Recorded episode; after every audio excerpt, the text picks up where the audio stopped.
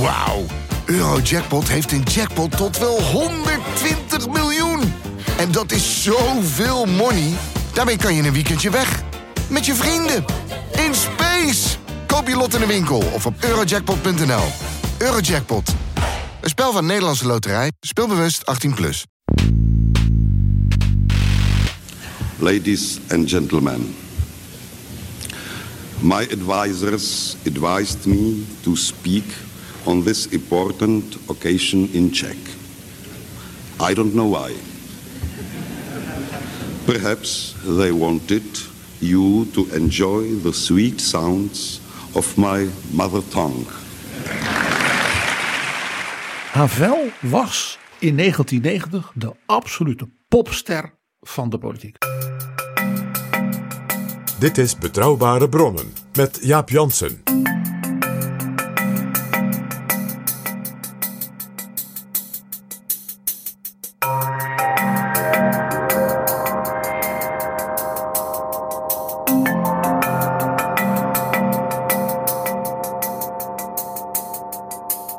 Welkom in Betrouwbare Bronnen, aflevering 236. En welkom ook PG. Dag Jaap.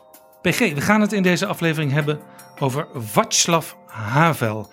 Overleden op 18 december 2011. Nu tien jaar geleden. Een van de meest bijzondere mensen in het Europa van de voorbije, nou zeg maar 100 jaar. En iemand met een levenslot, een verhaal. Eh, wat er met die man gebeurd is, ook de dingen die hij gedaan heeft, die hij ook heeft kunnen doen. Dat is ja, dat kom je bijna niet tegen. Hij was de belangrijkste criticus in de moderne geschiedschrijving van het communistische regime in Tsjechoslowakije. En hij werd president. Jaap Jansen en Pieter Gerrit Kroeger duiken in de politieke geschiedenis. Václav Havel. Jaap, hij heeft in de gevangenis gezeten voor zijn uh, activiteiten. Uh, hij mocht als schrijver, als dichter zijn werk überhaupt niet meer uitgeven. Ik zal vertellen waar hij toen een baan kreeg. Uh, ergens op het platteland was dat. En organiseerde hij meteen daar op dat platteland met vrienden uit de culturele sector allerlei festivals, jazz. En, nou, dan zat dus de hele geheime dienst er weer omheen. En werden die mensen weer opgepakt. En zo'n man wordt dan het eerste staatshoofd van een nieuwe democratie. En het is nog extremer eigenlijk. Want hij was dichter en schrijver van toneelstukken. En die toneelstukken die gingen juist vaak over de absurditeit van een dictatuur. Hij had een hele serie toneelstukken met als hoofdpersoon František Vanek. En dat was een dichter die helaas zijn werk niet meer kon uitgeven. En die dus een andere baan had. En die met mensen praatte die dan toch een beetje hun, hun nood bij hem klaagden. En ja, dan probeerde hij ze een beetje te helpen. Maar hij was ook een beetje een mislukkeling.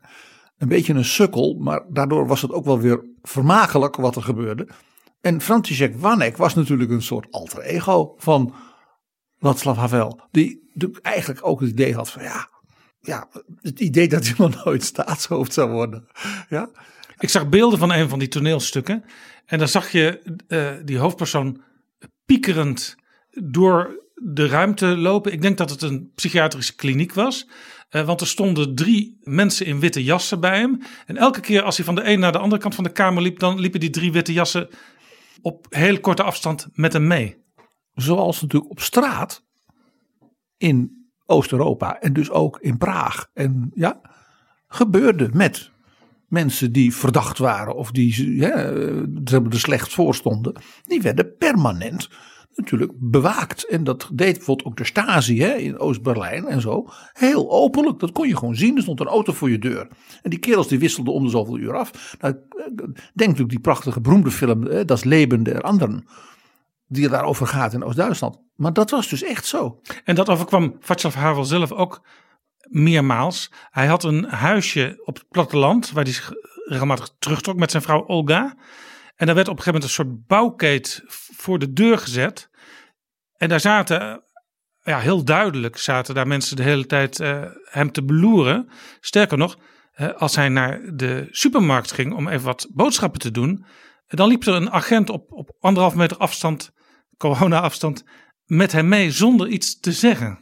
Nou ja, uh, laat ik zeggen, het vrije denken en de vrije kunst was natuurlijk ook een virus, Jaap. Hij heeft een keer een klacht ingediend bij de procureur-generaal Václav Havel.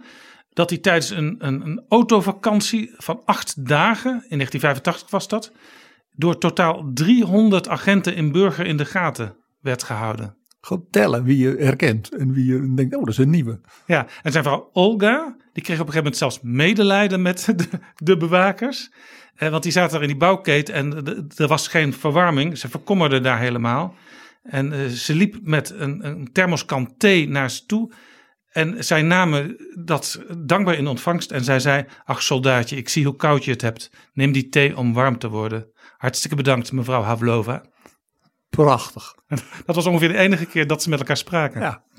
Maar dit geeft ze ook iets aan, wat je ook uit die verhalen in zo'n film uit de DDR ziet. Dat er ook een merkwaardig soort band dus ontstond tussen die bewakers en het object. Want ze wisten dus op een bepaalde manier alles van elkaar. Dat, ja, dat is heel gek. Maar eh, die hele samenleving, die hele cultuur, eh, het hele omgaan met macht. En zelfs dus ook met, ja, wat is privé en wat is publiek. En in zekere zin dus ook het totale verwoesten van intimiteit. Als de bescherming van de levenssfeer voor die, in zo'n systeem was natuurlijk ook weer, zul je wel merken, eh, een geweldige inspiratie voor Havel in zijn werk. Het merkwaardig was dat hij als kunstenaar, als het ware, die situatie waarin hij zat, als het ware gebruikte, zoals eigenlijk altijd elke kunstenaar, ja, de dingen die hij meemaakt, die hij voelt, die hij ziet, die gebruikte hij en die maakte hij dus ook weer artistiek en creatief waardevol. Ja, hij heeft ook zelf eh, drie keer langer in de gevangenis gezeten. In totaal vijf jaar. En, en, en Tsjechoslowakije was ook een van de ergste landen, denk ik, om te wonen hè, tijdens het communisme. Ja, uh, uh, Tsjechoslowakije heeft, doordat natuurlijk de Sovjet-Unie in 1948 met de plaatselijke communistische partij via een staatsgreep en met heel veel geweld definitief de macht heeft gegeven. Uh, heeft natuurlijk de pech gehad, om maar even heel bruut te zeggen, dat ze in de laatste jaren van het leven van Stalin de volle onderdrukking meemaakte en dus ook de totale paranoïde. Er zijn dus ook heel veel hele vergaande zuiveringen weer binnen de communistische partij geweest. Waarbij dus een heleboel mensen ook zijn geëxecuteerd. Dus er was ook in de Tsjechische communistische uh, wereld een heel hoge zeg maar, graad van paranoïde. Dus iedereen was ook altijd verdacht. En er waren voortdurend was er gedoe. Ja, en het minste of het geringste kon ook al aanleiding zijn om jou op te sluiten in de gevangenis. Uh, de laatste keer dat Havel zelf werd opgesloten was toen hij een bos bloemen had gelegd op de plek waar Jan Palach, een student, zich twintig jaar eerder had verbrand uit protest tegen de inval van de Sovjets. Ja, dus dat is geweest in 1989. Dus Havel heeft dus nog in 1989, vlak voor wat wij zouden zeggen de val van de muur, gewoon nog in de gevangenis gezeten. En ook vlak voordat hij in december van dat jaar zelf de president werd. Ja, maar ja, je gaat het verhaal nou nu dan helemaal weg, weg Nou ja, we moeten nog even vertellen, PG, of misschien is het al wel duidelijk hoor, uh, waarom we nu dit willen doen, waarom we het nu over Václav Havel willen hebben. Misschien kan ik twee dingen aangeven. Toen hij overleed op 18 december 2011, toen zei uh, José Manuel Barroso, de voorzitter toen van de Europese Commissie, Europa is armer geworden, een groot Europeaan en humanist is heen gegaan. En Mark Rutte, die toen net minister-president was, een jaar, zei een ware Europeaan en een kampioen van vrijheid en democratie. Dat was Václav Havel dat was toen in 2011 voor iedereen al heel duidelijk. Dat Havel iemand was die op zijn volstrekt eigenzinnige, ja, unieke manier echt geschiedenis had geschreven. Veel meer dan voor alleen maar, zeg maar, Tsjechië of Tsjechoslowakije. Dit is Betrouwbare Bronnen. PG, wie was Václav Havel? Ja, hij is de, in de herinnering natuurlijk een schrijver, een dichter, toneelstukken maakte hij. En ja, hij werd dus president. En hij was eigenwijs, rebels. Hè. Heette dan een dissident. En ik heb het idee een beetje, Jaap, vandaar ook deze editie, dat hij een beetje vergeten lijkt. Uh, ook doordat natuurlijk Oost-Europa en uh, Midden-Europa de voorbije tien jaar natuurlijk een ontwikkeling hebben doorgemaakt. Bij een wat ander type, ik zal maar zeggen, politiek leiders de toon aangeeft. Ja, dat speelde in Tsjechoslowakije in de tijd van Havel zelf ook al een rol. Want hij was president. Maar de echte politieke macht werd uitgeoefend door de premier en de regering. En dat was toen Václav Klaus. En dat was een heel ander type dan Havel zelf. En ook nog de man die hem opvolgde als president. En ja, dat is een uh, keiharde rechtse nationalist. Ja, en Havel vond ook dat uh, Tsjechië langzamerhand afgeleid naar een materialistische, oppervlakkige markteconomie. Zijn morele noties, uh, ja, die werden eigenlijk steeds minder vanzelfsprekend voor het land. Ja, doordat men ook ja, sterk nationalistisch werd. En laten we niet vergeten dat natuurlijk landen als Tsjechië, Slowakije, Polen, de Hongaren, de Roemenen, dat die natuurlijk ook bij Europa zijn gekomen omwille van meer welvaart. Er is niks mis met dat je de bevolking meer welvaart wil geven, meer kans. Ja, dat was ook part of the deal. Sterker nog, wij zijn zelf als Nederland ook eh, als medeoprichter van de Europese gemeenschap en later de Europese Unie toegetreden vanuit eh, verschillende gedachten. Een van de gedachten is nooit meer oorlog, niet wieder kriek tussen de hoofdrolspelers in Europa. Maar een andere gedachte was ook, samen kunnen wij meer welvaart creëren. Verzoening, maar ook, hè, dat, ik heb het al vaker verteld, een vergeten motief in deze tijd was de ongelooflijke angst voor dingen als de hongerwinter. En het idee dus dat er in Europa ja, dat we niet genoeg te eten zouden hebben. Ook door de sterke bevolkingsgroei met de babyboom. Dat speelde de jaren 50 heel serieus. En men ging jonge boeren en boerinnen laten verhuizen naar uh, Canada en Australië. Wat dan niet, want Nederland zou te veel mensen krijgen. Men was echt bang dat Europa zichzelf niet zou kunnen voeden. Dus dat element van ja, levenszekerheid is dus zowel in materiële zin als in immateriële zin van belang bij de deelname aan Europa. En dat geldt dus ook voor Midden- en Oost-Europese landen. Nou, dat gevoel van hij is een beetje vergeten, niet overal en niet bij iedereen. Een zeer opmerkelijk element in de recent verschenen memoires van Barack Obama is dat hij, Václav Havel, zich zelfs optilt in dat mooie en dikke boek als een soort, ja, inspirator en iemand die hem eigenlijk zijn hele leven, ook als student en later als politicus, als het ware een soort moreel uh, baken gaf. Waarbij er ook een erg mooi verhaal zit in dat boek over dat Obama dan als president in Praag komt en dan een afspraak laat maken met Václav Havel, die toen al uh, oud was en ook niet meer gezond. Obama vertelt dat hij als student op Harvard al dus essays over nou ja, vrijheid en politiek en democratie van dus de dissident uh, Havel las. En ook echt, nou ja, dat behoorde tot zijn, zijn, zijn core verzameling van boeken die hij altijd had.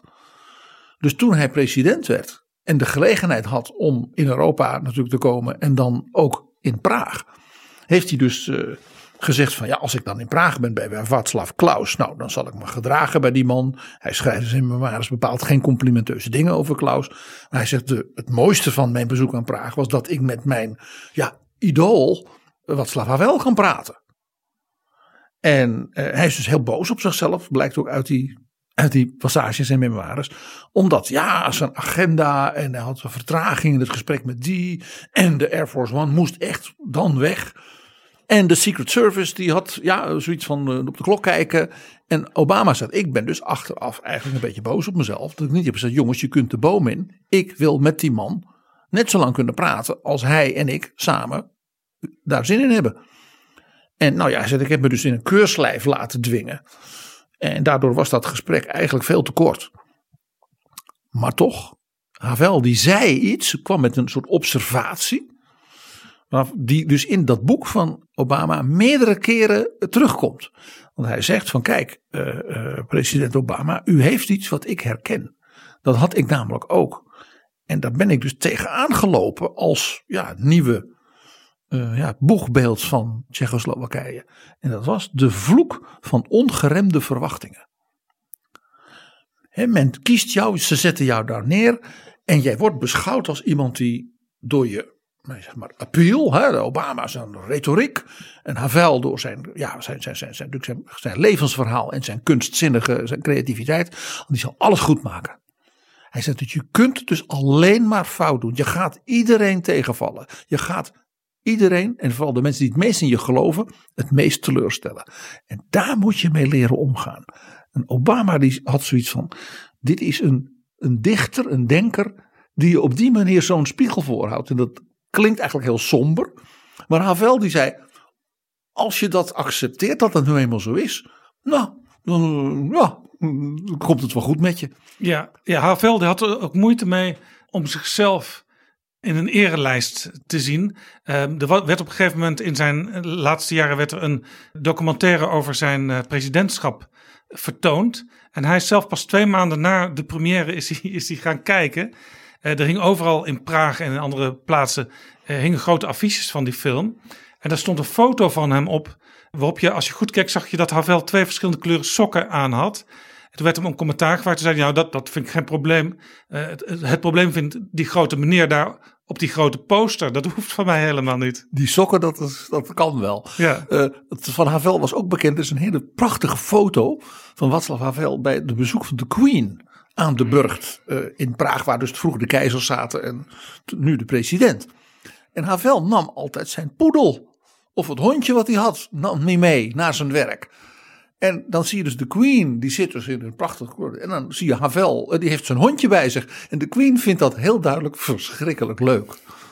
Dus hij had ook iets, ook daarin nog altijd iets onaangepast. Ja, jij noemde Barack Obama als relatief jonge politicus die, die een enorm idee heeft bij de herinnering aan Václav Havel. Een nieuwe leider in Europa, Robert Habeck, de nieuwe eh, vicepremier van Duitsland.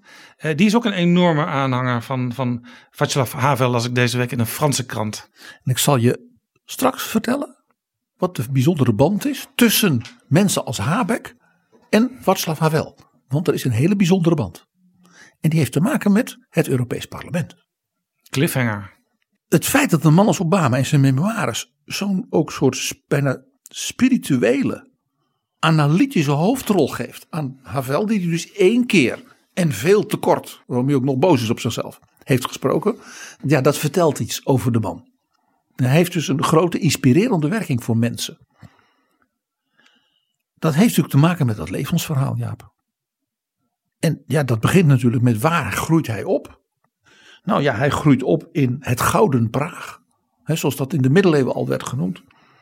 Eh, Bohemen hè, in die tijd. Later hè, Tsjechië, Tsjechoslowakije.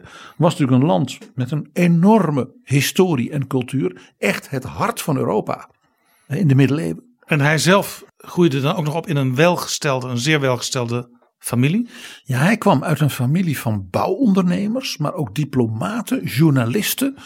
Heel grappig, bijvoorbeeld zijn, zijn grootvader, zijn oom, bouwde ook hele nieuwe dingen voor die tijd. Dus nog voor de Eerste Wereldoorlog bouwde de, zeg maar, de firma Havel eh, de filmstudio's van Praag. En ook het eerste grote moderne eh, bioscoop. Dus het was een, een, een ja, welgesteld, maar ook artistiek. eh, en zeg maar in de elite van, van, van Praag zeer verknoopte familie. Praag is natuurlijk, behoort natuurlijk tot de grote ja, centra van kunst en cultuur in Europa, eigenlijk duizend jaar lang. Vanaf het jaar 1000 tot, tot eigenlijk tot 1939, als dan de nazi's Beumen en Meren, dus binnenvallen. En nou ja, daarna komt dan de verschrikkelingen ook nog van de Stalinistische tirannie. En ja, dus dat grootse en die culturele rijkdom daarvan werd dus ja, vervolgens helemaal kapot gemaakt. Eh, eh, mooi, mooi beeld over hoe verschrikkelijk het culturele klimaat was in zeg maar, de jeugd van Havel. Is dat de Franse linkse dichter Louis Aragon, die zei Praag, dat is het Biafra van de geest. Gruwelijk. Tegelijkertijd, kijk, als je dus een, een land bent met, ja, wat duizend jaar lang als het ware een soort centrum van de Europese cultuur was, waar ook de Habsburgse keizers hè, in, in de burcht, ja, hun, hun, hun, hè, hun- ook, ook vaak resideerden. Eh, en ook, ook keizers van daarvoor in de middeleeuwen. Denk aan de grote belangrijke keizer Karel IV, die in feite de hele grondwet van het Duitse keizerrijk heeft vernieuwd in de 14e eeuw. Nou, dat geeft dus iets aan. Praag was echt een sleutelplek in Europa. En het regime, dat communistische regime, had dat donders goed door. Hoe belangrijk dus die culturele traditie, die rijkdom was voor de identiteit. Maar ook dat dat dus gevaarlijk was voor het bewind. En weet je wat een heel mooi voorbeeld daarvan was? De allergrootste Tsjechische literator, Europese literator van de 20e eeuw. Niets daarvan mocht je lezen. Frans Kafka. Precies. Waar Havel in zekere zin ook iets van heeft meegekregen. Want eh, juist de manier waarop Havel in zijn tijd weer schreef over eh, bureaucratische, eh, Stalinistische regimes. dat had Kafka uiteraard op zijn manier ook gedaan. Ja, Kafka, zijn manier van schrijven in het Duits, hè, Havel schrijft in het Tsjechisch, eh, heeft heel veel ja, associaties met, eh, eh, eh, met, met Havel. Er zit altijd een merkwaardig soort, soms bijna wat naïef soort humor. Eh, er is een soort licht satirische toon. Eh, en dat zit heel erg bij Havel ook. Dus een soort zelfspot, maar tegelijkertijd ook een heel soort enorme bitterheid kan erin zitten. Die dan ineens omdraait in een soort variété-achtige humor. Ook een interessant ding. Zowel Kafka als Havel waren totaal filmgek. En waren ook dus heel sterk altijd met filmische beelden in hun werk bezig. Dus, dus er is heel veel, zeg maar, tussen die twee kunstenaars. Wat, wat, wat, wat als het ware, waarin ze ja, op elkaar lijken, is het Ja. niet, maar je begrijpt wat ik bedoel. Vandaar misschien ook dat Havel een filmmaker toestemming gaf om die film te maken over zijn presidentschap. Want die filmer die mocht echt, eh, wanneer die wilde, in en uitlopen in de kamers waar Havel werkte. En hij, hij vond het dan wel moeilijk om daar later zelf naar te kijken. Want Hij keek niet zo graag op die manier naar zichzelf. Maar hij vond blijkbaar wel belangrijk dat er op die manier een documentaire werd gemaakt. Het laatste project wat hij in zijn leven heeft gedaan in 2010, dus voor zijn dood in 2011, was dat hij voor het eerst zelf een film mocht, kon regisseren naar zijn laatste boek. Toen heeft hij zijn droom, die hij al jong al had, nou filmregisseur worden, toch nog kunnen realiseren. Nou, Kafka was, was zo verboden. Eh, Jaap, ik ga nu een klein verhaaltje vertellen over mijn eigen bezoek aan Praag in het jaar 1983. Ja. Dat geeft je een idee van hoe in die tijd dus zo'n regime was. 1983 was in de hele wereld een groot Kafka-jaar. Want Frans Kafka was geboren in 1883. Zo niet natuurlijk in Praag, want het was verboden. Dus wat, da- wat deed het regime? Ja, hmm, hmm, hmm. er was wel een klein Kafka-monumentje. Dat was in de tijd van de Praagse lente, 1968. En Toen mocht het even. Dus aan het geboortehuis een soort plaquette. Met een borstbeeld van Kafka en zijn naam. Dus de muur van die plaquette van dat geboortehuis. Daar moest ineens nodig worden gerepareerd en geschilderd.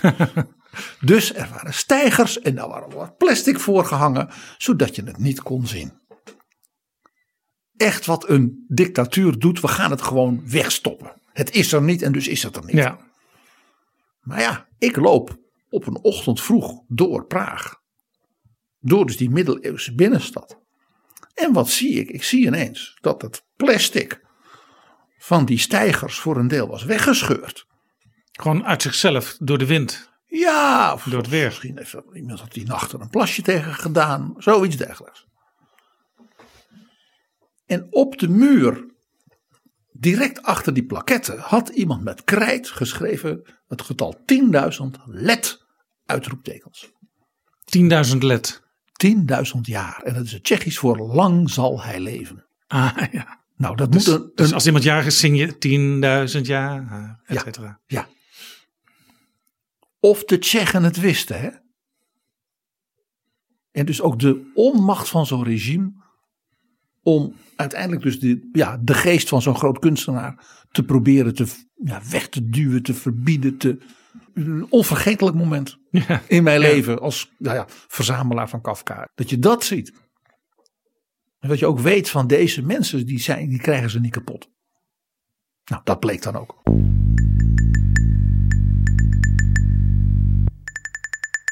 Hij groeit dus op in een, in een ontwikkeld milieu, ook een welvarend milieu, ondernemend, internationaal.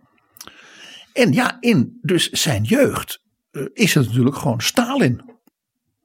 Dus als hij 15 is en zeg maar het eerste gedeelte van de middelbare school heeft gehad, krijgt hij de mededeling: ja, jij bent de zoon van een bourgeois familie, dus jij mag niet studeren. Punt. Je wordt dus gestraft voor je afkomst. Ja.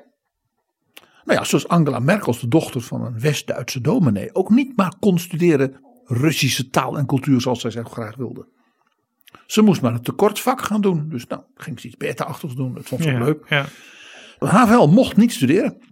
Dus hij werd een soort stagiair, wij zouden zeggen van een soort mbo-opleiding, in een chemisch laboratorium. Dus ging hij s'avonds naar de avondschool. En heeft alsnog zeg maar, zijn VWO-diploma op die manier gedaan. ja, dus hij ging eigenlijk buiten de officiële kanalen, ging die, die VWO-studie doen. En daar zie je dus al dus de, dat er in hem dus ook een nadrukkelijke ambitie zat. Ik wil ja, mijn talent ontplooien, maar ook iets rebels. Dus nou, dan doe ik het wel op mijn manier. Ja, toen werd hij toegelaten, ja, net als bij Merkel, bij de tekortvakken, bij de Technische Universiteit van Praag. Want ja, hij kon wel goed leren en nou, daar heeft hij technisch-economische vakken gedaan. Maar ja, hij droomde van filmregisseur. Dus na twee jaar de, tentamens had hij er genoeg van. En werd toen eh, eh, ja, hulpje achter het toneel, dus sjouwen van decorstukken van het Balustrade Theater in Praag. Hij dacht, als ik nou zo begin, dus eigenlijk ook een hele eigenzinnige, ja, iemand die dus niet volgens de proletarische lijn eh, aan het werken was. En toen was hij nog tiener. Want er was dus wel theater in Praag in die tijd. Maar kijk, natuurlijk. De kunst werd natuurlijk in die socialistische landen altijd op een enorm voetstuk gezet. Maar het moest dan wel een soort van sociaal realisme zijn. Het was natuurlijk wel eh, wat wel en wat niet kon volgens het regime. En dat kon elk jaar weer anders zijn. Al naar gelang hoe de, hoe de wind woei van het eh, bewind. Dat hebben ze zeker natuurlijk in Tsjechië en in Praag hebben ze dat meegemaakt. Ja, uiteindelijk werd hij ook eh, de artistiek manager van dat theater. Ja, want toen werd dus duidelijk dat het is iemand was met grote ja, gaven op het gebied van toneel. En hij ging dus ook al heel jong toneelstukken schrijven, nieuwe stukken schrijven, dingen bewerken. Hij werd dus ook de, zeg maar, de literair manager. Dus hij ging uitzoeken welke stukken zouden we nou komend seizoen moeten zetten en met welke acteurs en wat dan niet. Hij werd een soort ja, intendant, zouden wij zeggen. En dat is natuurlijk opmerkelijk, gelet op zijn achtergrond. Dus die artistieke wereld in Praag was natuurlijk ruimdenkender en gaf zo'n jongen de mogelijkheden. En ja, hij had natuurlijk het geluk dat toen, eh, ja, tweede helft jaren 60, brak natuurlijk toch de, wat we dan noemen nu de Praagse lente door. Sterk geïnspireerd natuurlijk door de studentenopstanden eh, tegen de Vietnamoorlog en mei 68 en, en dergelijke. Hij, was 30 eh, toen, dat, toen dat gebeurde. Dus het, het leek toch eigenlijk toch nog goed te komen. Eh, het leek alsof eh, wat hij wilde, namelijk zijn creativiteit botvieren, politieke en culturele vrijheid, dat dat, dat, dat er nog van kwam. En hij was als jonge theatermaker dus ook echt een van de boegbeelden van die Praagse lente. Hij was iemand, ja, hij was gewoon klaar als het ware voor zo'n rol. Nou, eh, eh, je weet wat er gebeurd is. De landen van, de, van het Warschau-pact hebben dus een militaire inval gedaan. Nadat ze eerst geprobeerd hadden in een aantal topconferenties. Dus de leiding van de communistische partij van Tsjechoslowakije onder leiding van Alexander Dubček. Een Slovaak, geen Tsjech onder druk te zetten. En ze hebben ze de meest verschrikkelijke dingen met ze geprobeerd. Ja, een soort geestelijke terreur in. En, en, maar ja, ze gaven niet toe. Ja, Dubček was eh, misschien een soort Gorbachev avant la lettre. Dat is een hele, hele aardige formulering, ja. Die wilde dat soort dingen ook, ja. Maar ja, wat was natuurlijk de, de partijchef in Praag tegenover Brezhnev en Ulbricht en ja, dat soort mensen. Dus laten we één ding gewoon even noteren. De laatste keer dus dat Duitse troepen met geweld een buurland zijn binnengevallen was de DDR in Tsjechoslowakije in augustus 1968. En je begrijpt wie natuurlijk tot de voorste rijtje mensen die natuurlijk onmiddellijk uh, aangepakt moesten worden en natuurlijk uh, geen enkele uh, positie meer mochten krijgen, was natuurlijk die jonge toneelmaker en die schrijver. Ja. Dus in 1969 werd dat allemaal geregeld natuurlijk. Hè. In augustus die inval, nou, het afzetten van de hele partijtop. en toen de schoonmaak van de cultuur en de universiteiten en de scholen en ja, vul maar in. Hij kwam ook op een zwarte lijst te staan toen. Ja, volledig. Uh, hij mocht dus niet meer artistiek uh, actief zijn. Zijn werk, cultureel werk, werd verboden. Dus hij was gewoon een verboden schrijver, kon dus niet publiceren. En ja, uh, socialistische samenleving. Dus er werd wel geacht dat je ging werken, want anders dan kreeg je niks. Dus hij is toen verhuisd uit Praag. Want hij begreep, zolang ik in Praag ben, in mijn omgeving, met mijn kunstzinnige vrienden en mijn netwerk. Ja, dan blijf ik natuurlijk uh, uh, vervolgd worden. En dan, dus hij is naar het platteland verhuisd. En ja, zocht een baan. Nou, hij kreeg een baan als sjouwer in de brouwerij Pivovaro Krakanos. Ja, overigens, hij hield ook wel van een biertje en ook van een wijntje en hij rookte ook graag. Het was een enorme ketting. Dus het zat wel in de buurt van een van zijn liefhebberijen. Ja, zullen we het daarop houden. Pivovaro, pivo is bier in het Tsjechisch, dus pivo, pivovaro is brouwerij. En Krakonos, dat is een van de alleroudste ononderbroken bierproducenten in Europa. Want, eh, ik geloof dat ze zijn van 1582 of zoiets. Dus met een grote traditie, zoals natuurlijk Tsjechië, natuurlijk het, ja, het bierland toch wel van heel Europa is. Al vele eeuwen. Dus hij sloot toch weer aan een beetje op, op die grote culturele identiteit en traditie van zijn land.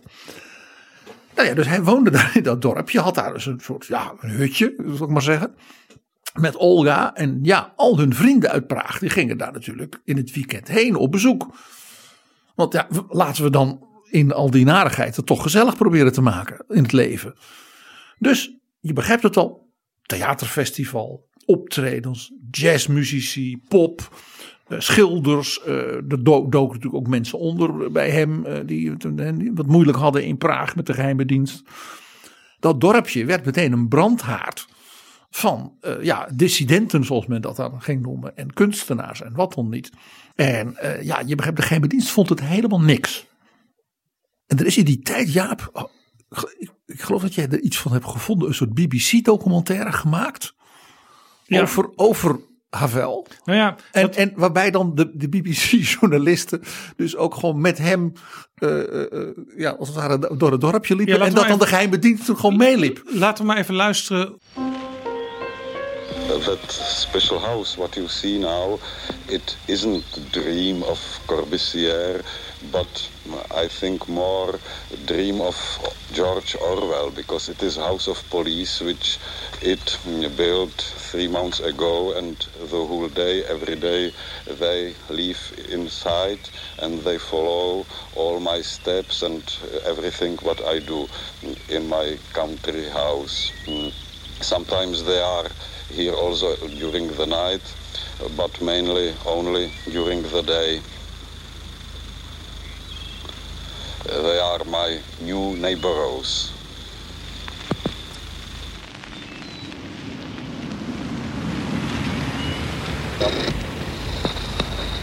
I'm sorry for that short interruption, but um, police car um, uh, drive around our house and we are a little bit afraid that they mm, see us.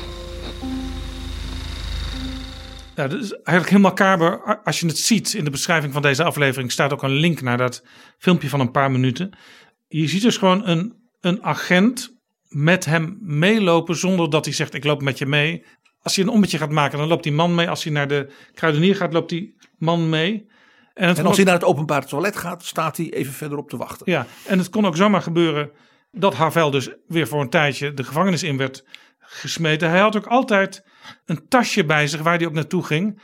Waar een tandenborstel in zat, uh, een tube tandpasta en een paar pakjes sigaretten. Ja, want, want dat was eigenlijk het belangrijkste wat hij, wat hij eigenlijk altijd nodig had, want je wist maar nooit.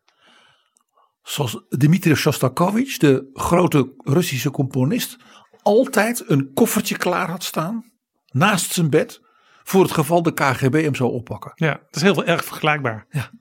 En, maar ook vooral sigaretten. Dat, uh, ja, inderdaad. Nou, dit is dus, Jaap, ook.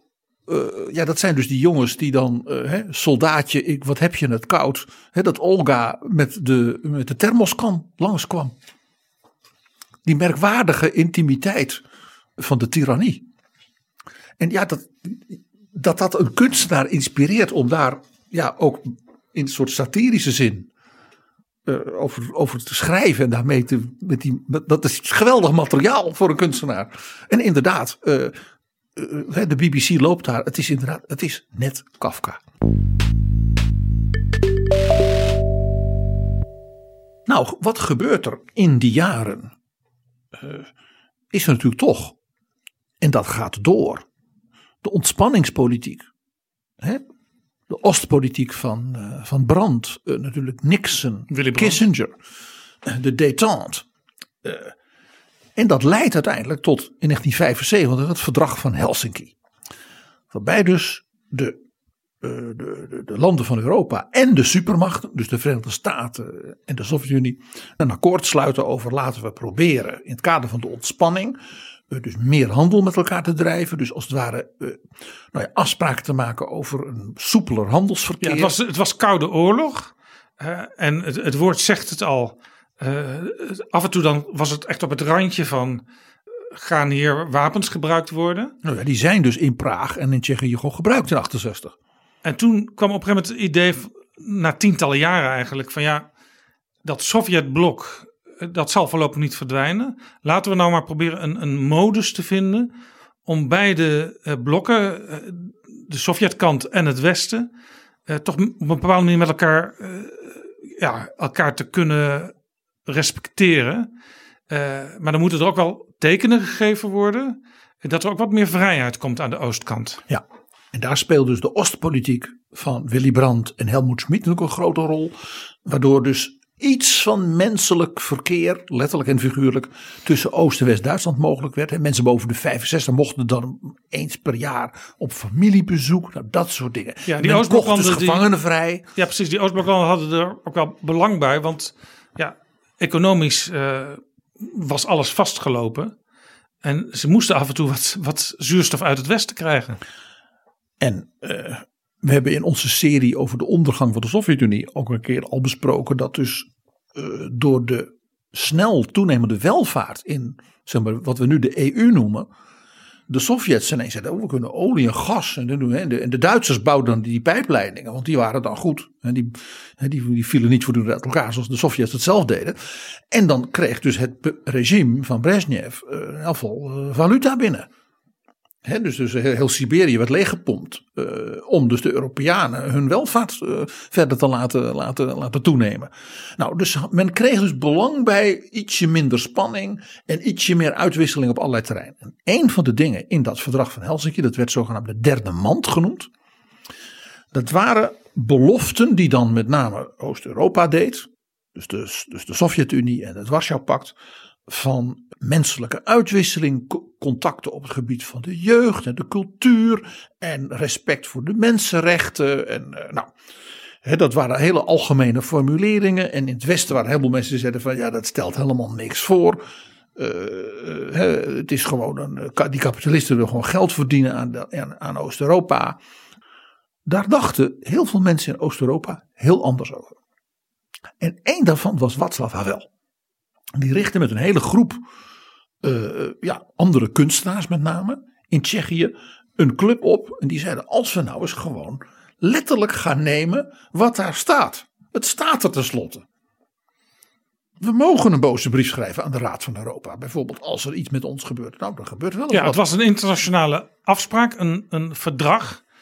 En ja, De handtekening van de, van de partijleider Roesak stond erop. ja, in zekere zin had het daardoor eh, grondwettelijke waarde. Dus iedereen kon zeggen, het staat daar in dat belangrijke document. Dus u moet dat document naleven. U moet zorgen dat eh, de wetten daarop gebaseerd worden. En als, dat, als die wetten dat nog niet doen, of als de uitvoering van die wetten niet op die manier is, dan moet dat alsnog gaan gebeuren. Of dat als een dichter dus niet zijn werk maar uitgeeft en wordt opgepakt. Dan zeg je is in strijd met het verdrag van Helsinki. En uw handtekening staat daaronder. En die van Brezhnev ook. Kameraad Brezhnev. Ja, dus wat deed, deed eh, eh, Havel? Die zei als we nou eens een manifest schrijven. Een handvest, een charter. Dus daarom dat Garta. Garta 77. Dat hebben ze in januari 77 geschreven. Dus ze hebben dat, dat verdrag van Helsinki was in 75, dus in 76 zijn ze bij elkaar gaan zitten. Zeiden ze, als we nou eens gewoon opschrijven. Ook hier weer typisch ook weer de literator. Ik wil het wel eens opschrijven. Ja, Dit is wat we dus. We hebben dus eigenlijk recht hierop. PG, op de achtergrond horen we muziek. En dat is de groep The Plastic People of the Universe. En eh, dat is een, zeg maar een psychedelische rockgroep uit de jaren 70. Beetje punkachtig ook. En eh, de leden daarvan die werden ook de gevangenis ingesmeten. En dat was mede een van de redenen om Garta 77 op te richten. Laten we even naar die muziek luisteren.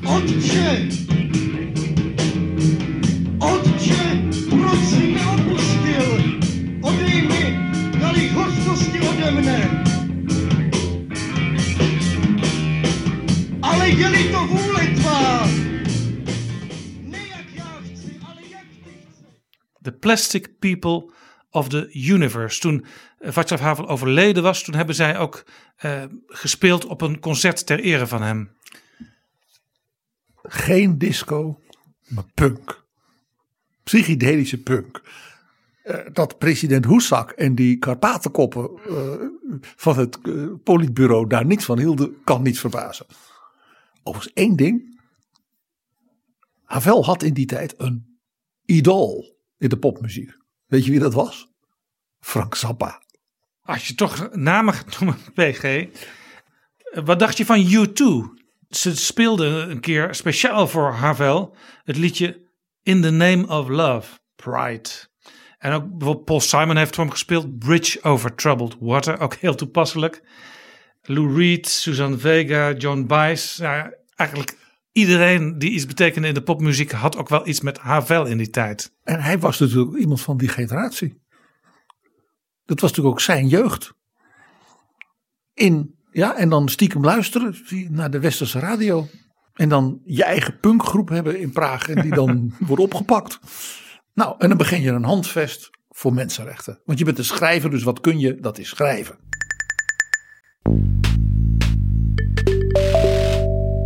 Dit is Betrouwbare Bronnen, een podcast met betrouwbare bronnen.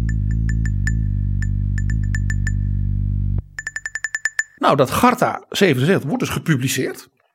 Ja, dat kon natuurlijk niet, hè? Dat begrijp je. Maar ja, in het Westen zeiden alle andere kunstenaars, die zeiden: ja, ze hebben wel gelijk. Daar kun je dus een beroep op doen. Dus mensen in het Westen gingen als het ware weer tegenover de regimes in het Oosten zeggen: nou, eh, meneer Brezhnev, meneer Roesak, eh, lees nou maar wat er in Garta 77 staat. Ja, ik herinner me ook uit heel veel televisiejournaals in die tijd dat Garta 77 daar vaak in genoemd werd. Ja, want Havel gaf dus onder het mom van wij zijn deze ding op basis van dat prachtige verdrag van Helsinki, gaf hij dus persconferenties. Ja, je begrijpt, eh, het kon niet lang duren. Hij ging in 79, ja, je begrijpt, de gevangenis in voor vier jaar. Ja, de, de directe aanleiding daarvoor was dat hij ook nog een comité oprichtte. Het Comité voor de Verdediging van de Onterecht Vervolgden. Ja, als je dus dan eh, onterecht ja, in de gevangenis had gezeten als dichter of als dan kon je dus dan met eh, met jonge juristen die met hen meedachten.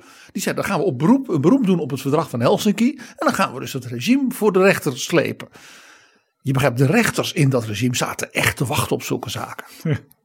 Niet goed voor je carrière. Ja, wat doet een kunstenaar in de gevangenis? Ja, die is kunstenaar Dus die gaat nadenken. en schrijven. Dus die vier jaar in de gevangenis leverden een van zijn meest beroemde werken op. En dat was een van die boeken die dus Barack Obama ongeveer uit zijn hoofd kende. Brieven aan Olga. De brieven aan zijn vrouw.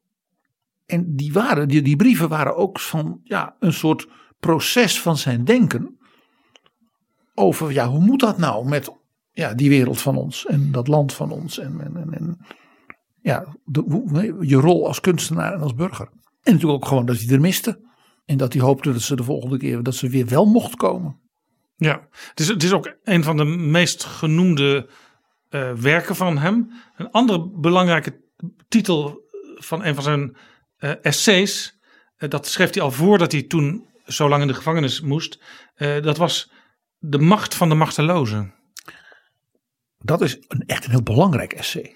Daar wil ik straks nog iets over vertellen. En dat was dus geschreven in het jaar dat ze dus dat Garta 77 hadden. En vlak voordat hij de gevangenis inging.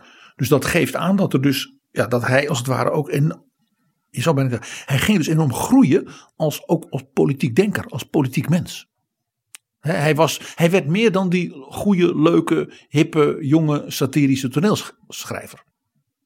Nou, dan komt natuurlijk, eh, hij komt uit de gevangenis in 83 en hij wordt weer, gaat weer terug in de gevangenis. En Maar richt dan, als natuurlijk de zaak gaat gisten in Polen, om te beginnen, en daarna in de DDR, ja, begint hij natuurlijk weer zijn eigen organisaties. En een daarvan is het zogenaamde Burgerforum. Ja, we zitten inmiddels in 1989. Dat belangrijke jaar waar we al heel vaak aandacht aan hebben besteed in betrouwbare bronnen. In die tussentijd weten wij dat hij in de bergen, zeg maar op de grens van Tsjechië en Polen, eh, dus dat is het oude Silesië, dat hij daar in het geheim, in een soort eh, helemaal vervallen eh, soort ski- en wintersportoord uit zeg maar, de tijd van nog voor de Eerste Wereldoorlog, waar de rijke Duitse elite van steden als Breslau en zo, dan ging skiën en in de sneeuw en zo.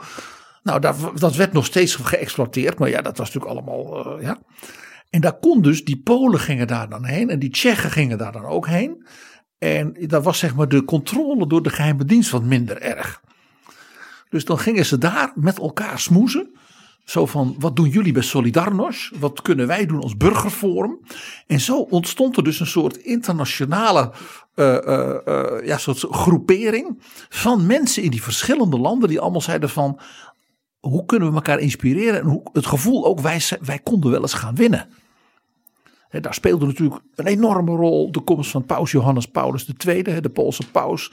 De Valenza met Solidarność. eh, en ook natuurlijk toch ook het kerkelijke verzet in de DDR. Dat begon overal te gisten. Ja, ik moet nog even een ander moment uit zijn leven naar voren halen, voordat ik het vergeet. Eh, want Václav Havel heeft eh, in Nederland drie keer een hele belangrijke prijs mogen ontvangen. Eh, de laatste keer in 95 was de Geuzenpenning. In 1990 kreeg hij de Four Freedoms Award. En in 1986 kreeg Václav Havel ook een prijs. Maar oorspronkelijk zou die die niet hebben gekregen Nee. in Nederland. De Erasmusprijs. Die was eigenlijk bedoeld voor Garta 77. En dat is de meest prestigieuze zeg maar, cultuurprijs die Nederland heeft. Ja, en die stichting van die Premium Erasmianum, die, die, die vertelde dat dus aan de Nederlandse regering van wij gaan Garta 77.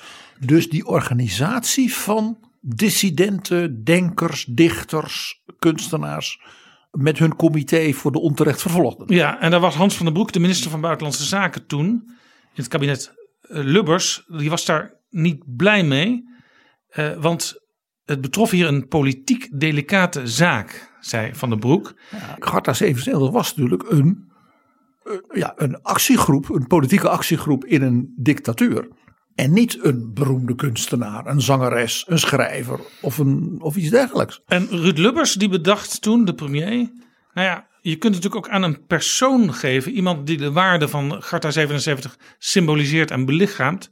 Eh, dus zou het bestuur het niet een goed idee vinden om het aan Václav Havel uit te reiken? Nou, Dit is, dit is natuurlijk een. Ja, ik, ik mag het zeggen. Dit is natuurlijk zo Lubberiaans als maar kan. Die vond dus die wat strakke Hans van den Broek. Dat was ook later altijd tussen die twee wel een ding. We niet fantasierijk genoeg. Nou, als het ging om kunnen we hier een oplossing voor bedenken met enige. Ja, dan, ja, dan was Lubbers natuurlijk op zijn best. Dus die zegt, nou, was, hebben ze, er moet toch daar een kunstenaar rondlopen in dat Garta. Ja, de oprichter en woordvoerder Václav Havel. Nou, die lijkt toch wel een beetje op Erasmus. Dat is Nou. ook zo'n schrijver. Dan geven we het, geef, geef het dan die man. die stap werd dus gezet. Van den Broek eh, kon daarmee instemmen. Die had echt grommend natuurlijk. Maar vervolgens eh, gebeurde er weer iets. Van den Broek was weer niet blij.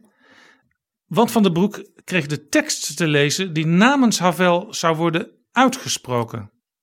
Want onthoud, 1986 hè. Drie jaar later valt de muur. Václav Havel mocht het land natuurlijk niet uit. Het idee alleen al. Die zat daar dus bij die brouwerij op het platteland. Met die, met die, met die geheime dienstjongens en Olga met de, de thermoskan. Die kon niet weg. Dus hij schreef dus een tekst. Waarin hij waarschijnlijk allemaal mooie woorden over Erasmus als inspirator. En natuurlijk over zijn ideeën over vrijheid. Nou, die En- tekst is uiteindelijk wel uitgesproken. Er werd in benadrukt dat Havel de prijs als een eerbewijs zag voor al het werk van Garta 77. En er zat ook een hele kritische passage in over de onderdrukking van de mensenrechten in Tsjechoslowakije. En Van den Broek zei, ja, die tekst die wordt niet uitgesproken. Eh, hier kwam de Tweede Kamer bij. Er is zelfs een debat over geweest. En uiteindelijk is Van den Broek gezwicht en is de tekst uitgesproken. En nu ga ik heel even een seconde begrip vragen voor Hans van der Broek. Want 1986 was natuurlijk het hoogtij van de worsteling van Nederland met de kruisraketten. Nederland was een, een, een buitenbeentje binnen het Westers bondgenootschap. En Gorbachev was natuurlijk net aangetreden in Moskou. En Lubbers was toen heel actief, onder andere via de Indiase premier Rajiv Gandhi, om een hele opvallende dialoog te ontwikkelen met Gorbachev. Van kunnen we niet als Sovjet-Unie Nederland met bemiddeling van India iets bedenken om een soort, nou, de spanning te verlagen, dat we iets minder raketten doen. Nou Lubbers die natuurlijk eindeloos creatief was en Hans van den Broek die daar altijd heel nerveus van werd van al die creativiteit. Dat merk je ook uit dit verhaal.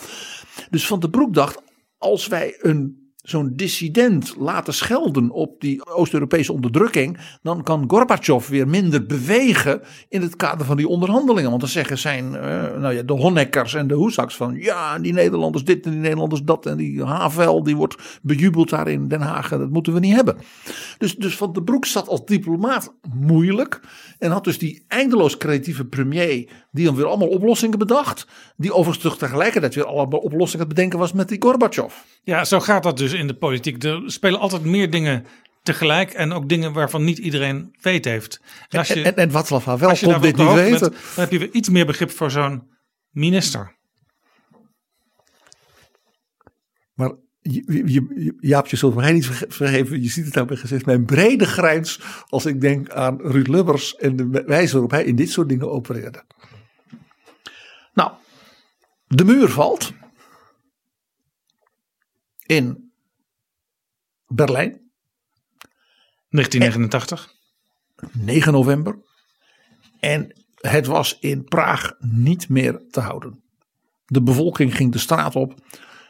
Een van de allermooiste demonstraties, vind ik, in de wereldgeschiedenis, is van de bevolking van Praag op het grote Václav Nawesti, het Wenceslasplein. Het Václav betekent, is Wenceslas de nationale zeg maar, jongensnaam. En daar stond er zeg maar een half miljoen mensen en die rinkelden allemaal met hun sleutelbossen. Wat, dat- wat bedoel ik? denk één ding. Jullie gaan allemaal de gevangenis in. Machthebbers. Een prachtige manier om te demonstreren. Dus gewoon er staan een half miljoen mensen die met hun sleutelbos. Want rinkelden. iedereen heeft een sleutelbos. Dat heb je altijd bij je. Ook weer, mag ik zeggen, een Kafka-achtig beeld bijna. Het is, een- het is zo sterk. Zo'n sterk ja, beeld van ja, artistiek soort protest. Nou, eh, dat burgerforum eh, ja, organiseert dus demonstraties. Het regime gaat door de knieën. En heel bijzonder, eh, er verschijnt iemand ineens op dat plein, op het balkon, met Havel. En dat is de al die jaren in interne ballingschap, in een of ander flut ambtelijk baantje in een dorp in Slowakije, opgesloten Alexander Dubček. En dat is een van de meest bijzondere momenten in de, zeg maar, in de Tsjechische en ook Europese geschiedenis. Die De twee- voormalige communistische leider die ik al vergeleek met, eh, met Gorbachev. de man die dus na die Praagse lente door Brezhnev in de hoek was getrapt. En nou ja, ook dus de hele dag zeg maar, van die bewakers om zich heen had. En die verscheen met Havel op het balkon. En ja, dat, mensen waren natuurlijk in extase. Het regime viel om. Er werd een eh, eh, door het burgerforum ge- samengesteld eh, parlement geïnstalleerd. En toen heeft, heeft men gezegd: we gaan het zo doen. We maken Dubček de president van het parlement. Want het was een oudere man. En we vragen Václav Havel of hij president wil worden. En toen werd dus in, overal in Praag en in eh Tsjechoslowakije hingen dus nou ja, spandoeken die mensen zelf maakten. Havel naar Grad. En het woord Grad is burgt. Havel naar, de de burcht. burcht. Dus naar het keizerlijk paleis van de Habsburgers. En hij werd ook met alle stemmen voor in de assemblee gekozen. En werd gezegd, Dubček maken we parlementspresident. En daarmee ook natuurlijk de belichaming van de nieuwe democratie. En Havel als veel jongere vent. En natuurlijk ook door Garta. Ja, het internationaal. Hè, zelfs bij Hans van der Broek. eh, in, hoog acht, in hoog geacht. eh, die maken we president. Je zou kunnen zeggen een Oost-Europees sprookje kwam uit. Het is, heeft iets sprookjesachtigs, ja. Even Jaap. Wie was in begin januari 1990, dus meteen na de kerst, de eerste internationale wereldberoemde gast die aankwam op het vliegveld van Praag? Uitgenodigd door president Havel. Frank Zappa. Oh ja. Hem werd na afloop gevraagd terug in Amerika: hoe vond je dat? Daar. Ja, het is natuurlijk geweldig. Het zijn allemaal kunstenaars en ze zijn zo gedreven en ze willen zoveel. Maar je kan toch nooit een land gaan regeren als je zoveel drinkt? Hij was de Oost-Europese manier van consumeren niet helemaal gewend. Misschien toch nog even leuk. Want Havel die ging gewoon eh, zijn gang als hij ergens eh, werd uitgenodigd. In 1990 toen opende die een schaaktoernooi. En de voorzitter van de Wereld Grootmeestersbond was toen Bessel Kok. Die later ook nog eh, CEO van eh, Belgacom is geworden. En het idee was eh, dat Havel de eerste set zou doen van een toernooi. En Bessel Kok de tweede. Maar Havel zei meteen tegen Kok: dat vind ik een belediging voor de schaaksport om het zo te doen. En eh, Kok werd uitgenodigd voor een echte partij. En na 29 zetten stond Kok schaakmat. Nou had Havel, vertelde Bessel Kok erbij, wel advies van drie grootmeesters die, die bij hem stonden. Maar dit was dus typisch Havel. Even het hele programma in de war sturen. Havel was in 1990 de absolute popster van de politiek. Jaap, ik ga nu in een heel hoog tempo, als je het goed vindt, gewoon zijn agenda van dat jaar, waar hij, wie bij hem op bezoek kwamen en waar hij zeg maar als spreker werd uitgenodigd. Frank Zappa, die kwam als eerste. Nog in januari is hij de eregast in Polen, dus van Solidarność, en spreekt daar zowel de Sejm, het parlement, als de Senaat toe. Op 21 februari, hij is dus net twee maanden president, spreekt hij het congres toe in Washington. Hij werd daar echt als een popster, als een held ontvangen. Laten we even naar hem luisteren in Washington. When Thomas Jefferson wrote that governments are instituted among men deriving their just powers from the consent of the governed, it was a simple and important act of the human spirit. What gave meaning to the, that act, however, was the fact that the author backed it up with his life. It was not just his words, it was his deeds as well.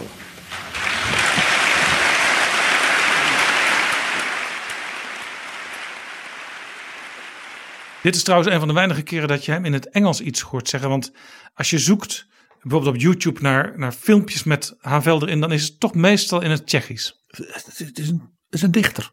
Het is zijn taal. Vlak nadat hij terug is uit Washington, bezoek. President Richard van Weizsäcker van Duitsland. En dat is dus van West-Duitsland. Dat is nog niet het herenigde Duitsland. De buur. En die komt dus meteen. Even daarna, we zijn nu begin april, gaat hij met de presidenten van dus het nu vrije Hongarije en het met Solidarność Polen bij elkaar. Hij spreekt hen toe en zegt als wij eens nou eens met z'n drieën een club oprichten en die heette de Visegrad groep, die bestaat nog steeds. Als wij met z'n drieën als het ware een soort uh, verbond sluiten van een nieuw democratisch Midden- en Oost-Europa. Dat dus de aandacht vraagt voor de zorgen die we hebben, maar ook de, ja, de drive voor vrijheid en democratie. Tsjechoslowakije. Hongarije en Polen. Even daarna komt er een bekende Pool op bezoek naar Praag. En dat was een volkomen natuurlijk niet jarenlang van tevoren gepland bezoek. Namelijk paus Johannes Paulus II. Paus Karol Wojtyła. De Poolse paus. Ja, ik bedoel Havel en Wojtyła dat zijn natuurlijk de twee iconen van van het Oost-Europa van de bevrijding. De Hoewel Havel zelf niet iets met geloof had, denk ik. Hij was, hij is zelfs een hele, zijn beste vriend was een jonge priester die zeer vervolgd is. En die daarna de hulpbisschop van Praag werd. En was een van de mensen die bij zijn begrafenis de dienst heeft geleid. Ja, maar Havel zat niet eh, in de kerk. Nee, de paus is, heeft zijn hielen nog niet gelicht of Havel vliegt naar Jeruzalem. Want krijgt daar het eredoctoraat van de Hebreeuwse Universiteit. Even daarna, hij zit tot zeg maar in het vliegtuig, moet hij weer schrijven. Want dan houdt hij een grote reden als eregast van de Assemblee van de Raad van Europa. Dat is ook interessant, want de Raad van Europa die heeft sinds 2013 een prijs genoemd naar Václav Havel. De Václav Havelprijs. En die is bijvoorbeeld afgelopen september uitgereikt aan een van de uh, Belarussische oppositieleiders, Maria Kalesnikava, die in de gevangenis zit. En het was dan ook haar zus die die prijs in ontvangst nam. Dus ook dit is weer interessant. Hij sprak daar en later is er een prijs naar hem genoemd. Helemaal dus op zijn thema ook. Nou, vandaar, uh, ik zal maar van Straatsburg, is het op naar Moskou. Ja, nu wordt het echt spannend natuurlijk. Hè. Daar zat dus toen nog Gorbachev. En daar vergaderde het politieke comité van het Warschau-pact. Want dat bestond natuurlijk nog. Ja. En hij was daar ook aanwezig dus als Staatshoofd. lid van een van de stichtende partijen. De staatshoofd van het Warschau-pact land. Dat dus ook nog door het Warschau-pact was onderdrukt in 68. Met militair geweld. In bloed gesmoord. Komt er daar en spreekt dus het politiek comité toe. En zei, wij moeten nu samen het Warschau-pact gaan opheffen. Een van de meest opmerkelijke speeches natuurlijk in zijn leven. Dan vandaar eh, mocht hij ook weer iets in de cultuur doen. Want hij was natuurlijk in eind juli de eregast en hoofdspreker bij de opening van de Salzburger Festspielen. Ja, en gaat vandaar naar New York, want daar is de kinderrechtentop. En ja, dan moet je natuurlijk Václav Havel hebben. En even daarna, 17 november, is er opnieuw bezoek in Praag. President George Herbert Walker Bush. Let op, hè? die komt dus zelf naar Praag. Niet jij komt maar eerst eens naar mij als nieuwe president. De echte ster was Havel, niet Bush. En twee dagen daarna, want Bush is toch in Europa, gaat Havel met Bush naar Parijs. En spreekt daar op de top van de OVSE. Waar dus de, alle grote landen van Europa bij elkaar waren. Ja. Waar Gorbachev ook was, want daar werd het einde van de Koude Oorlog getekend. De Organisatie voor Veiligheid en Samenwerking in Europa, de OVSE. Het officiële einde van de Koude Oorlog. En toen was ook dus net Duitsland herenigd. En wie vroegen ze als een van de sprekers? Václav Havel. Nou, dit is dus de man zijn agenda als gloednieuw president. Een vak wat hij, waar hij niet voor was opgeleid, om maar zo te zeggen, in zijn eerste jaar. Hij was dus eigenlijk meteen als popster eh, overal aanwezig tegelijkertijd. Eh, maar er zit ook iets tragisch, want eenmaal president begon het in zijn eigen land te rommelen. En uiteindelijk zijn Tsjechië en Slowakije uiteen gegaan. Dat is geen gezamenlijk land meer. Nee, ze hebben bij de, bij de val van de muur en bij eh, de regering door het burgerforum, dat was de Tsjechische partij. Je had een soort Slovaakse partij eh, voor vrijheid tegen geweld of zoiets was de naam.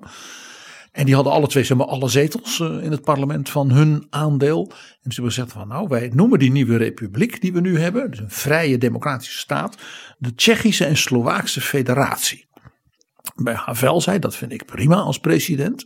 Maar ik doe een klemmend beroep op jullie nou ja, mensen, Slowaken en Tsjechen. Maak die federatie tot iets moois van ons samen.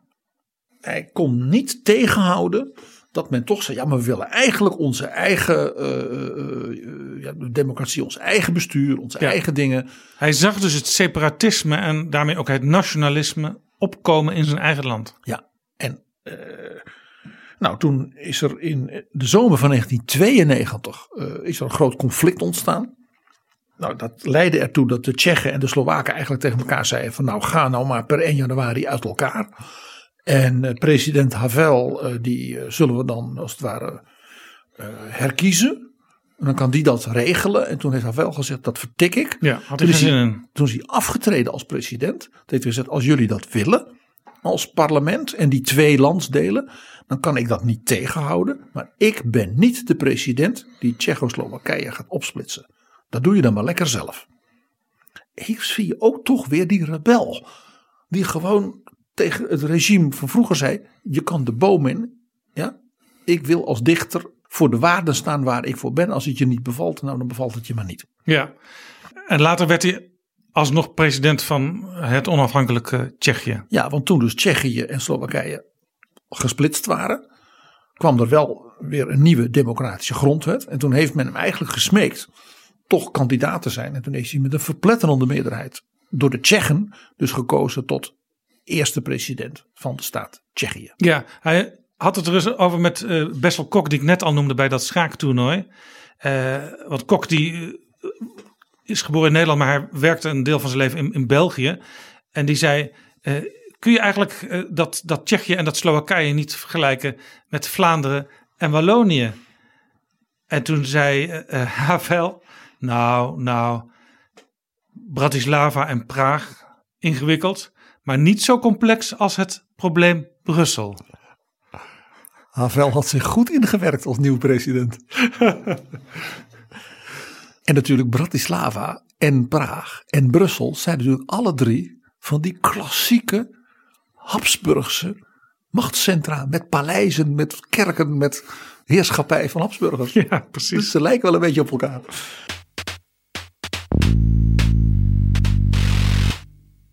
Havel werd dus president van die nieuwe Tsjechische Republiek. Het presidentschap was in die grondwet een beetje uitgekleed, laat ik het zo zeggen. Het was meer de president zoals in Duitsland. En dat betekent dus dat de premier, Václav Klaus, eigenlijk de politieke baas werd. Ja, en die hadden dus niet zoveel met elkaar, die twee. Nee, het punt was natuurlijk wel dat Havel door zijn ja, morele autoriteit en natuurlijk door de enorme internationale uitstraling die hij altijd heeft gehouden. De wereld bewonderde hem. Dus hij kon, ondanks die beperkte bevoegdheden, toch veel eh, voor elkaar krijgen. Ja, en er was ook een groot verschil, om even die vergelijking ook met, met hem te maken met eh Gorbachev. Eh Gorbachev die heeft veel betekend voor het ontmantelen van de Sovjet-Unie uiteindelijk. Maar die was uiteindelijk in zijn eigen land niet meer geliefd. En Václav Havel is altijd geliefd gebleven. En dus ook die morele instantie. Wat Gorbachev dus niet was. Nee. Nou ja, om een voorbeeld te geven hoe Havel dus een rebel was en bleef. Ook dus in de nieuwe tijd. Een van de eerste dingen die hij als president deed, leidde tot een gigantische rel. Hij zei: Wat ik nu moet doen als president van een democratisch en vrij Tsjechoslowakije, is eerlijk zijn ook naar dingen in het verleden waar wij ons voor moeten schamen. Hij zei: Als je nou ziet, de DDR, de val van de muur, hè, Duitsland wordt nu één. Wij moeten als Tsjechen naar Duitsland een gebaar maken. Dus hij heeft publiekelijk ja, om vergeving gevraagd voor het verdrijven van de Sudeten-Duitsers in 1945. Dus die aan de grens woonden in Tsjechoslowakije, waar Hitler natuurlijk ook geprobeerd had ze binnen te halen. Nou, waar groot gedoe om is geweest. En daar waren ook een heleboel naties onder, dat heeft hij gezegd. Maar die mensen, vrouwen en kinderen, die zijn met honderdduizenden, ja, miljoenen verjaagd. Daar zijn er een heleboel vermoord. Die mensen zijn huis en haard afgepakt. En wij Tsjechen moeten nu ook gewoon durven zeggen tegen de Duitsers: dat was wreed, dat was slecht, dat hoort bij ja, de vreselijke dingen van die tijd en dat beseffen wij. Hij vroeg dus aandacht voor de menselijke kant. Hij kreeg een massaal iedereen over zich heen. Om te beginnen natuurlijk de oude communistische partij. Die riep, zie je wel, het is dus een, eigenlijk is het een neonazi en een fascist, die Havel. Ja, voor minder deze natuurlijk niet. Heel veel Tsjechen vonden dat echt helemaal niks. Dat hij daarmee dus dat element van die, laat ik zeggen, die morele waarden zegt van ja, dat gaat uiteindelijk boven alles en ook boven alle dingen die, ja, boven de politiek. Ja, dat deed hij dus meteen als nieuwe president en zette daarmee ook een soort ja, standaard. Ja, toen hij eenmaal geen president meer was, toen is hij ook weer gewoon gaan schrijven. Hè? Zelfs toneel is hij weer gaan schrijven. Ja, eh, hij heeft- van alles gedaan. Hij heeft dus ook zijn eerste film gemaakt. Hij heeft een boek, een toneelstuk geschreven over een leider eh, die afscheid moet nemen en vertrekt. en hoe dat dan gaat. En dat mensen dan je ineens allemaal, eh, dat ze dan proberen op te vrijen bij de nieuwe leider. Maar ook de, de eenzaamheid die dat met zich meebrengt. En de zelftwijfel. Ja, dan ben je dus, nou, ik zei net als zoals hij in de gevangenis. Met zijn brieven aan Olga van het feit dat je gevangen bent weer een kunstwerk weet te maken, deed hij dus ook met het feit dat hij als president weg moest. En wat doet dat met je? En dat stuk, daar heeft hij in het laatste jaar voor zijn leven ook nog een film van gemaakt. Hij was inmiddels toen hertrouwd met een hele beroemde actrice. Die speelt ook in die film. Ja. Heeft hij zich nog verder nog met politiek bemoeid in zijn nadagen? Ja, ja. Eh, maar, maar even nog, ja. Ontzettend. Die man heeft zich dus een, heeft een tijd in New York gewoond.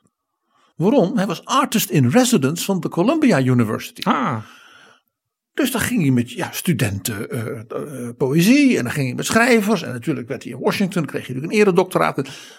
Die man ging gewoon weer doen wat hij graag deed en waar hij goed in was. prachtig.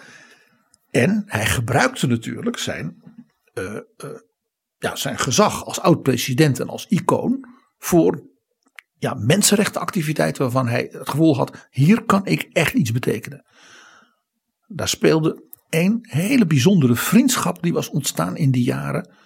Eh, er zijn ook prachtige foto's van die twee, namelijk de Dalai Lama en Havel.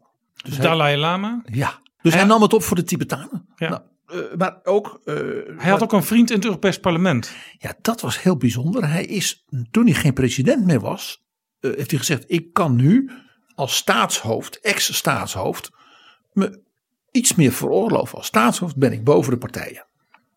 Hij was natuurlijk door Burgerforum, die had hij zelf opgericht. Hij zei: Maar dat was meer een bevrijdingsbeweging dan een politieke partij. Hij zei: Maar nu, nu kan ik meer doen. En ik heb een vriend, een, een man die in, ja, in Tsjechië is opgegroeid, net als ik. En die heeft in 68, en dat kon ik niet, op het laatste moment kunnen vluchten. En kwam in Duitsland eh, te werken aan de universiteit. En was een van de oprichters van Die Groenen. En die werd voor Die Groenen lid van het Europees Parlement. En dat was Milan Horacek. Dus een Tsjech die dus een Duits staatsburger was geworden. En dat was een vriend van hem uit zijn, ja zeg maar, kunsttijd. Ja, interessant, want ehm, inmiddels is er in het Europees Parlement in Straatsburg ook een gebouw dat genoemd is naar Václav Havel. En mevrouw, mevrouw Havel, de actrice, heeft ook, geloof ik, het eh, standbeeld Klopt. voor Havel daar onthuld. Ja. Dus helemaal vergeten is hij niet, Jaap. PG, hoe zou jij nu de erfenis van Václav Havel willen omschrijven? Nou, ik, ik, zei al, het, was natuurlijk toch politiek eh, verrassend, want hij was natuurlijk helemaal niet voorbereid daarop. En hij heeft zelf altijd gezegd, er was één ding, politiek, waarvan hij zegt, dat is mijn allerbelangrijkste ding wat ik heb kunnen doen, waar ik echt trots op ben. En dan denk jij natuurlijk van eh, culturele vrijheid, eh, onderwijs, dat vond hij ook heel belangrijk. Maar weet je wat hij het allerbelangrijkste vond wat hij gedaan heeft? De opheffing van het Warschau-pact. Dus eigenlijk waar hij het ook in die speech eh, bij Gorbachev en al die anderen ook meteen over had. Dan zou je toch denken, een militair bondgenoot, is dat wat nou een dichter? Zo, ja, dat vond hij het belangrijkste. Want hij zei, wij zeiden dat allemaal tegen elkaar als Tsjechen. Dan gaan die Russische troepen weg en die atoomraketten die er allemaal te kovel stonden, net als in de DDR. Maar ja, toen was ik president en toen werd mij dus uitgelegd, ja meneer de president, dat kunt u wel zeggen. Hij zei, maar toen drong tot mij door dat dus dat militaristische regime van de Sovjet-Unie. Dat was niet zomaar dat daar tanks stonden die dan kon wegrijden. Dat zat in alle vezels van de economie van die landen. Alles was onderdanig gemaakt, dienstbaar gemaakt aan dat militaire apparaat. Dus je kon er eigenlijk niet eens uit zonder hele grote consequenties. dat was dus een enorme ontvlechting die dus ook de economie en denk ook dingen als de geheime dienst en wat er allemaal een rol speelde, natuurlijk helemaal omwentelde. En dat, daarom dat het ook dus een aantal jaren duurde voordat die landen als het ware de stappen konden zetten richting de EU. Dus ze moesten echt gedesovjetiseerd worden in alle mogelijke opzichten die wij ons nauwelijks kunnen voorstellen. Een militair-industrieel complex, waar hier in het Westen door sommigen wel eens over wordt gepraat, daar bestond het. Ja, En Havel was er dus trots op dat hij zei: Dat heb ik in mijn eerste periode als president. Ik was dus een volkomen politiek niet ja, voorbereid. In twee jaar het zo kunnen doen met de andere landen. hè, En natuurlijk ook met Gorbachev. Dat de Russische Sovjet-troepen. eh, Dat de Sovjet-troepen allemaal weg waren uit Tsjechoslowakije. Met medeneming van al hun spullen. Ja, en hij liet er geen gras over groeien, want eh Tsjechoslowakije moest ook meteen lid worden van de NAVO. Ja, dat is het tweede ding. Wat, wat, ja, dus heel interessant. Dus denkt, nou, die dichter vond dat, was dat belangrijk. Nou, mooi. Maar het tweede waar hij enorm op, op, op hamerde, die zei: wij moeten volkomen helder zijn. Wij zijn een Europees land dat wil meedoen in het beschermen van vrijheid, democratie, mensenrechten. En dat doe je in de NATO. Dat doe je als lid van de Raad van Europa. Hij was niet voor niks ongeveer de eerste spreker daar. Dat doe je als je zover bent als lid van de Europese Unie. Dat zag hij als één geheel. En hij zei: kijk, als we dat met z'n allen doen, dus vandaar ook die Visegrad groep. Hij zei: dan hebben we dus ook echt een, ja, een power. Als wij met z'n drietjes daar komen, dan zijn we ook echt iemand. Hè? Niet alleen maar als los land. Niet alleen met de pet in de hand. Dus het past ook heel erg in zijn denken, want hij, hij wilde ook meteen eh, die Raad van Europa, wilde hij ook meteen een belangrijk lidma- lidmaat van zijn. De Raad van Europa is interessant, want daar zitten alle landen in principe van Europa in, dus ook eh, al die communistische of voormalig communistische landen. Eh, en hij was natuurlijk ook als nieuw NAVO-lid heel erg voorstander van de samenwerking met het nieuwe Rusland.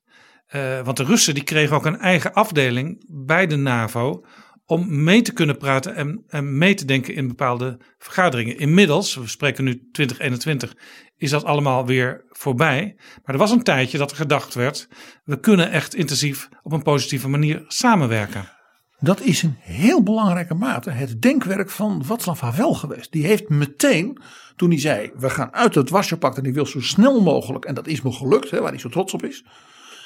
En ik wil ook snel en met z'n allen, hè, als Oost-Europese landen, in die NAVO.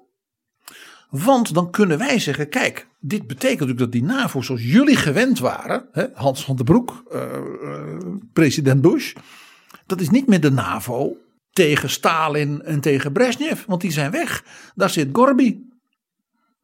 En ik ben nu als dissidente dichter een van uw collega's aan tafel.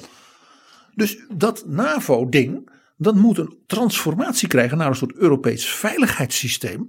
Dat ook met de buren van de NAVO, Oekraïne, de Caucasus, Rusland, eh, het Midden-Oosten dus goede betrekkingen ontwikkelt. En dus ook die Scandinavische landen. Dat is, eigenlijk moeten die er allemaal bij. Want dan wordt het een Europees veiligheidssysteem. Net als de Raad van Europa een Europees mensenrechten waakhondensysteem. En de EU het Europese economische geheel wordt. Havel was dus ook als kunstenaar, zou je kunnen zeggen. Had hij wel een soort visionair beeld van ja, dat past heel erg, vind ik, bij de stad Praag, waar hij vandaan komt. Dat centrum van Europa, van heel Europa. Wat het in de middeleeuwen was. En ook later natuurlijk als de kunststad van Mozart, van Kafka enzovoort. Dat is niet van iets van één stukje. Dat was van midden-Europa en was ook het hart van Europa. Nou, het effect van Havels invloed op de discussie over de toekomst van de NAVO was heel groot. En daar heb ik een uiterst eh, vermakelijk, maar wel indicatief signaal van gekregen in de memoires van Fritz Stern. Dat is een beroemde Amerikaanse historicus, gevlucht uit Nazi-Duitsland eh, en wist daardoor heel veel van de Duitse geschiedenis en kwam uit Silesië. Dus op de grens van Bohemen en Polen nu. Dat was toen Duits. En die werd heel veel gevraagd door de Amerikaanse regering voor, je begrijpt wel, commissies die nadenken over de toekomst van Europa en Duitsland en wat al niet. Ja. En die sprak in april 1990. Havel is dus dan drie, vier maanden president. Met de minister van Defensie van het Pentagon van dus president Bush. En die kennen wij allemaal, Dick Cheney. En Dick Cheney die eh, heeft een wat eh, eh, cynische humor. Zo mogen bekend zijn, denk ik. En die zei, ja, u, Frits, jij komt daar uit dat Midden-Europa als jongen. En jij komt daar natuurlijk nu weer heel veel. Jij kent heel veel van die, van die dissidenten ook en zo. En zo goed dat je meedenkt met het beleid. Maar die vriend Havel van jou, dat is wel een mooie vent. En dan houdt hij weer zo'n toespraak over mensenrechten en vrijheid en samenwerking. Prachtig zit hij. Maar elke keer als na die toespraak, hè, die komt, staat dan in de Washington Post en de, de New York Times, dan kost dat mij in het congres weer twee hele divisies. Want het congres zegt dan, oh, Ja, maar die Havel, dat gaat nou zo goed. In Al die militairen hebben we niet meer nodig. Dat hoeven we niet meer te betalen. Hij zegt, daar gaat mijn Pentagonbegroting. Dit is Betrouwbare Bronnen. Eh, Jaap, jij wees al op dat essay uit 1978. Hè, toen was Garta 77 net klaar en vlak daarna werd hij dan ook opgepakt. De macht van machtelozen. Ja. En daarin analyseert hij dat hij zegt: wat is nou de essentie van als je als mens leeft in een tirannie en in een communistische dictatuur? Hij zegt: want dat is wat ik dan heb meegemaakt en mijn ouders ook nog natuurlijk in de nazi-tijd. Hij zei: kijk, hij, de essentie van de communistische eh, dictatuur is niet wat misschien aan de buitenkant lijkt. Ik denk, Het is een economisch een jambol. Ja, we zijn arm. Het is allemaal heel inefficiënt. Het is Bureaucratisch. bureaucratisch. Dat is allemaal niet goed, maar is niet de essentie. Het is ook overal maar parades en tanks en kernwapens. En het is allemaal militair. En je hebt de geheime dienst. Het is allemaal verschrikkelijk. En toch is dat niet de essentie. En de socialistische kunst. En ugh, nou, aan de andere kant, ze zijn wel, zorgen wel dat de kunst wordt wel belangrijk gevonden. Toch is dat het niet. Hij zei de essentie is wat hij noemde het maatschappelijk paradigma van een tirannie. En dat is, je kunt alleen bestaan in zo'n bewind als jij zelf bereid bent te leven in een leugen. Je weet dat het niet waar is. Het is hier een paradijs van, van boeren en arbeiders. Je weet niet dat het waar is. De cultuur is hier nog nooit zo hoog ontwikkeld als dankzij het socialisme. Je weet dat iedereen tegen je ligt. Je weet dat je wordt afgeluisterd. Eh, je brengt die thermoskan naar die jongens. Die het koud hebben. Het leven in een leugen. Als je daartoe bereid bent, kun je bestaan. En daarom zei hij: een menselijke samenleving zoals hij zegt, daar moeten we naar streven. Dat is, je moet in de waarheid willen en mogen leven kunnen. En dat is ook de titel van een boek wat hij in 1978 heeft gepubliceerd. Poging om in de waarheid te leven. In Nederland vertaald door uitgever van Gennep in 1991 op de markt gekomen. Omdat hij natuurlijk toen zo'n grote naam was als de president van Tsjechoslowakije. Ja, en die dat boek- dat boek natuurlijk een succes was. Precies, en, en, en, en er zijn meer boektitels die, die op zich al eh, he- heel veel vertellen. Eh, zo is er in 1990 een eh, bundeling van toespraken verschenen, ook bij Van Gennep. En die bundeling die heet Angst voor de vrijheid. Want in de waarheid kunnen leven, dat vraagt ook veel van mensen. Dat besefte hij natuurlijk ook. Maar dat prachtig, dat beeld dat je dus bereid moet zijn in een leugen te leven. Het is, ja, het is Kafka. Ik bedoel, ja, zijn, zijn, zijn verhaal over die man die de chef is van die strafkolonie. Dat is, ah, nou ja. Maar hij keek ook dus in dat opzicht naar zijn eigen ja, bestaan. En aan Olga, zijn vrouw, schreef hij uit de gevangenis in 1979 het volgende. Dat wil ik rustig voorlezen, want dat is ja, ook misschien wel de essentie van Václav Havel zelf. We hebben nooit besloten om dissident te worden. We zijn daarin omgebouwd zonder eigenlijk te weten hoe. En soms kwamen we dan in de cel zonder precies te weten hoe. We gingen simpel voort op onze weg en deden dingen waarvan we voelden dat we ze moesten doen en het ons fatsoenlijk voorkwam om ze te doen. Niks meer of minder. Dat was het verhaal van Václav Havel. Er is een eh, biografie over hem verschenen, geschreven door Eda Krisiova. Uitgegeven in 1992 bij De Prom. Hij heeft zelf ook eh, zijn herinnering op schrift eh, gesteld. Naar het kasteel en terug. Dat is dus die burcht van Praag. Havel na Grad. Maar het kasteel is natuurlijk ook dat ondoordringbare gebouw van het beroemde boek Het Slot der Schloss van Kafka. En ik zal in de beschrijving van deze aflevering een link zetten naar een film die over het leven van Václav Havel is gemaakt. En die kun je gewoon zien op YouTube. En zoals je al zei, het is ook wel een beetje een sprookjesverhaal bijna. Dankjewel, PG.